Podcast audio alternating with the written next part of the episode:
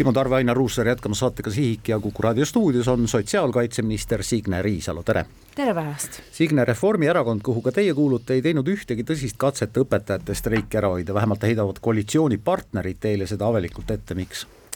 No esiteks ma arvan, et äh, see ei ole päris nii, koalitsiooni läbirääkimistel lepiti kokku äh, kolme erakonnaga sammud, kuidas jõuda sinna, et tõepoolest kahe tuhande kahekümne seitsmendal aastal oleks õpetajate keskmine palk sada kakskümmend protsenti Eesti keskmisest. ja selleks äh, anti ka volitused äh, vastutavale ministrile, et viidaks läbi vajalikud reformid. me tegelikult oleme ju nüüd tänaseks kõik avalikult kuulnud, äh, kindlasti haridusspetsialistid on teadnud seda ammu, loomulikult ka kabinetiliikmed, et hariduses on probleeme palju-palju rohkem ja pelk raha tegelikult ei aita neid struktuurseid äh,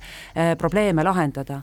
nii palju, kui mina tean, siis äh, juba selle nädala kabinetis me äh, reformide kavadest ka kuuleme ja eks siis saab sealt edasi sammuda. õpetajate palk on äärmiselt oluline, õpetajad teevad väga väärtuslikku tööd, ma õpetajaid väga hindan ja usaldan, aga töökoormus, karjäärimudelid, ka koolivõrgu mured on tegelikult suurem pakett probleeme, mis aitavad kaasa heale haridusele, haridusele, õpetaja turvatundele, töörõõmule ja aitab meil saada tark, tarku lapsi see on selge ja sellest on nüüd viimastel kuudel nii palju räägitud, et usutavasti kõigil kuulajatel on selge, et see kümme miljonit pole ainus põhjus, vaid laiemalt võttes haridusreformid ja kuuldavasti nendega üsna aktiivselt ja palavikuliselt tegeldakse. aga ikkagi see kümme miljonit, mis tundub nendest mahtudest rääkides ikkagi suhteliselt tühine, miks me ei võta seda tulekustutit korraks, et rahu majja tuua? no esiteks ei ole see kümme miljonit äh, ainukene summa, et äh, kui vaadata, mis seal kümne miljoniga kaasas käib, see on ju ainult äh, jooksva aasta kulu, mis kandub tegelikult ka juba järgmisesse aastasse ja selleks, et äh, sammu pidada ja jõuda selle saja kahekümne äh, protsendini, siis äh, tuleb iga-aastaselt raha juurde leida, nii et see küündib lõpuks kahesaja miljonini, see kulu, mida me peaksime peale võtma olukorras, kus me tegelikult teame, et majandus on jahtunud, tööpuudus on meid hirmutamas ja, ja võlakoormust ei tahaks ka kasvatada oma lastele soovin äh, valitsusele edu miljardi võrra raha leidmisel, aga sellest me ei hakka täna rääkima. Öelge, minister Signe Riisalo, kas hoolekandesüsteemis, näiteks hooldajate, põetajate vallas on hetkel rahu majas ja mingeid protestiaktsioone näha ei ole? jube raske vastata, sest äh, tõepoolest, kui me vaatame äh, sotsiaalvaldkonnas hooldajate asenduskodutöötajate, eh, ka eh, erihoolekandetöötajate eh, palkasid, siis nad jäävad ikkagi väga oluliselt alla streikiva sektori palkadele. Aga ma arvan, et sotsiaalvaldkonnas töötavad väga motiveeritud inimesed, keda siis kliendi kas areng või heaolu või turvatunne toetab ja meil on olnud ju ka muudatusi, seesama hooldereform on võimaldanud äh, tõsta läbi teenuse hinnatõusu töötajate eh, palkasid, eh, samamoodi me oleme ju saanud eh, ka juurde kuus koma üks miljonit erihoolekandesse, mis on riigiteenus, selleks, et, et parandada seda olukorda erihoolekandes ja eks ta mõjutab lõpuks ka palkasid, mida me peamegi tegema, sest vastasel juhul toimuks ka sotsiaalsektori sees ülejooks erihoolekandest üldhooldusesse. Pidingi just küsima, kas teil ka kuklasse kart-, tunnetus või teadmine on, et kui õpetajatel läheb streikimisega korda saavutada see, mis nad soovivad, et teised saavad sellest indu ja kindlasti ka noh, oluliselt väiksema palgaga hooldevaldkonna töötajad, kes võiksid seljad kokku panna, samamoodi streikima hakata, vaat siis on kuri karjas. ja no eks need riskid on alati, et äh, kui ühiskonnas adutakse, et äh, streikimine on viis, kuidas äh, oma eesmärke saavutada, see ei ole küsimus ainult sotsiaalvaldkonnas, see on küsimus laiemalt ühiskonnale, et kes on siis järgmised äh, oma, oma palgatõusu nõutamas, aga nii, nagu ma ütlesin, sotsiaalsektoris ma arvan, et on väga motiveeritud inimesed, siin on tasapisi paremaks läinud, aga me jääme jätkuvalt oma, oma palgatasemega kõikidest teistest sektoritest ikkagi allapoole, et ähm, keeruline on sotsiaalvaldkonnas ka ette kujutada, kuidas see streik peaks välja nägema, sest suur hulk inimesi on kohaliku omavalitsuse kas ametnikud või kohaliku omavalitsuse palgalised inimesed, et et seda nii-öelda ametiühingut tegelikult sellisel kujul suurt ei ole puudega inimeste liikumisvabadus on sageli piiratud ja see on probleem. riik on neid toetanud, kas riik toetab neid ka alanud aastal ja järgnevatel aastatel kuidagi rohkem, senisest rohkem? Jaa, no alanud aastal äh, on äh, mõned positiivsed muutused, mis loomulikult äh, noh, maailma selles mõttes ei muuda, aga me oleme saanud eeskätt laste rehabilitatsioonile kolm miljonit juurde, jällegi oli juttu siin juba kuus koma üks miljonit ka erihoolekandesse, aga äh, ma arvan, et me oleme saanud seoses mootorsõidukimaksuga äh, järgmisesse aastasse äh, väga olulised kokkulepped puuetega inimestele ja teinud neid kokkuleppeid oleme me koos puuetega inimeste koja ja, ja siis ka alaliitude esindajatega, nii et meil on ettevalmistamisel ja kevadel peaks eelnõu ka valmis saama, tõstame siis sügava ja ja raske puudega laste ja tööealiste eh, toetusi, eh, teeme ka siis muudatusi abivahendite süsteemis, et inimestel oleks abivahendid kättesaadavamad laste osas, siis kõikidele lastele tõstame omaosaluse määra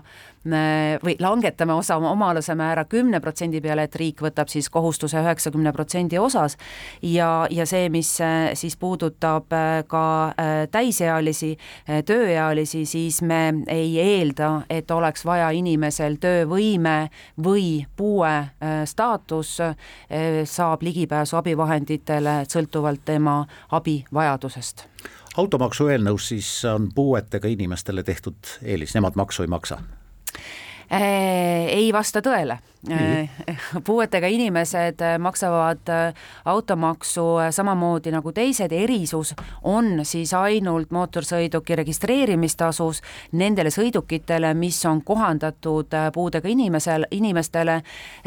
mis on siis puudega inimese omanduses või mida kasutatakse, no näiteks kohalik omavalitsus, mõni sotsiaalhoolekandeasutus puuetega inimeste transpordiks, siis seal tõepoolest on registreerimistasust vabastus. aga muus osas me peame äh, mõtlema ka sellele, kui paljudel puuetega inimestest on äh, siis võimalus elada leibkonnas või omada ise sõidukit ja see on nelikümmend kuus koma kuus protsenti. Need on need erivajadustega inimesed, kellel on olnud võimekust rohkem endale ka auto soetada aga mõeldes puuetega inimeste liikumise vajaduse peale, siis kahtlemata see vajadus on kõigil. ja seetõttu me oleme kokkuleppel puuetega inimeste kojaga lähenenud, et me abistame toetuste tõusu kaudu kõiki Äh, sügava ja raske puudega lapsi ja tööealisi, et äh, nad saavad äh, toetuse tõusu ja kui seda võrrelda automaksu aastamaksuga, siis tegelikult enamikel juhtudel ta katab ka, ka need kulud. tänu taevale, sest vastasel juhul te satuksite päris korralikult põhiõiguste sügava riivega, no ma usun, et pahandustesse või vähemasti väga tugeva õigusliku vaidluse alla, sellele on õiguskantsler näiteks juba tähelepanu juhtinud, kus see võib tulla aga räägime nüüd sellest, et eh, erihoolekande teosed, eh, erihoolekande toetused sel aastal tõusid, erivajadustega lapsed saavad senisest paremat tuge, milles see väljendub? Erivajadustega laste puhul me räägime siis puuetega lastest ja rehabilitatsiooniteenusest. ja rehabilitatsiooniteenusele me saime riigieelarvest lisaks kolm miljonit, mille arvelt meil on võimalik teenuse vajajatel järjekordasid lühendada ja natukene tõsta ka teenuse hindasid selleks, et me oleksime konkurentsivõimelised, nii nagu me siin varasemalt rääkisime, et tõepoolest palgasurve on ju kõikides sektorites, samamoodi siis meil rehabilitatsioon rehabilitatsiooniteenuse osutajate hulgas. ja rehabilitatsiooniteenuse osutajad on enamasti kas siis erasektor, ka haridusasutused, ka tervishoiuteenuse osutajad, eh, kes on lepingus Sotsiaalkindlustusametiga ja saavad siis teenuse hinnapõhiselt eh, selleks eh, ressursse riigilt riigieelarve strateegiale mõeldes mida te ilmselt hakkate ikkagi arutama koalitsioonipartneritega koos enne saabuvat suve, strateegiale mõeldes tuleb küsida, milliseid olulisi muudatusi sotsiaalkaitse valdkond veel lähiaastatel kavandab? et kõik ei pruugi ellu minna, aga, aga plaanid? jaa, et äh, tõsiasi on ju see, et äh, ministeeriumi eksperdid ja minister koos nendega hakkavad kohe, kui aasta äh, eelarve on valmis saanud ja siis ka Riigikogus vastu võetud, mõtlema juba järgmise aasta eelarve peale ja sellega koos ka riigi eelarvestrateegia peale, et see on pidev protsess, see ei juhtu niimoodi äkki, et septembris me järsku arutelud avame. ja sotsiaalvaldkonnas koos tervishoiu valdkonnaga on on sihiks seatud kahe valdkonna parem integreeritus, et inimesed saaksid teenuseid kätte lihtsamal viisil ja ühest kohast, niimoodi me oleme siis planeerinud abivahendite süsteemi ja sellesama rehabilitatsiooniteenuste süsteemi eh, viia üheks, nii et ei peaks eh, Töötukassa, Sotsiaalkindlustusameti ja tervishoiusüsteemi kaudu neid teenuseid ja abivahendeid eh, inimene hankima. et see on üks reform, mis aitab bürokraatiat vähendada, dubleerivaid tegevusi tegevusi eh, kokku hoida. aga samal ajal meil on eh, ka suurem plaan eh, puuetega laste teenuste ja teenuseid teekonna korrastamiseks, kus suurem rõhuasetus võiks olla haridusasutusel erivajadustega laste puhul, kus nad siis oma päeva jooksul saavad vajalikud teenused, sõltumata sellest, milline süsteem neid teenuseid rahastab või korraldab, aga et see füüsiline koht oleks sealsamas Signe, öelge lõpetuseks palun, vabariigi president on seda streiki hinnates vaadanud ja öelnud midagi väga täpset, minu hinnangul. et Eesti ühiskonnas on üha kroonilisemaks muutumas kokkuleppimatus, olete nõus? jah, ma arvan, et äh, selline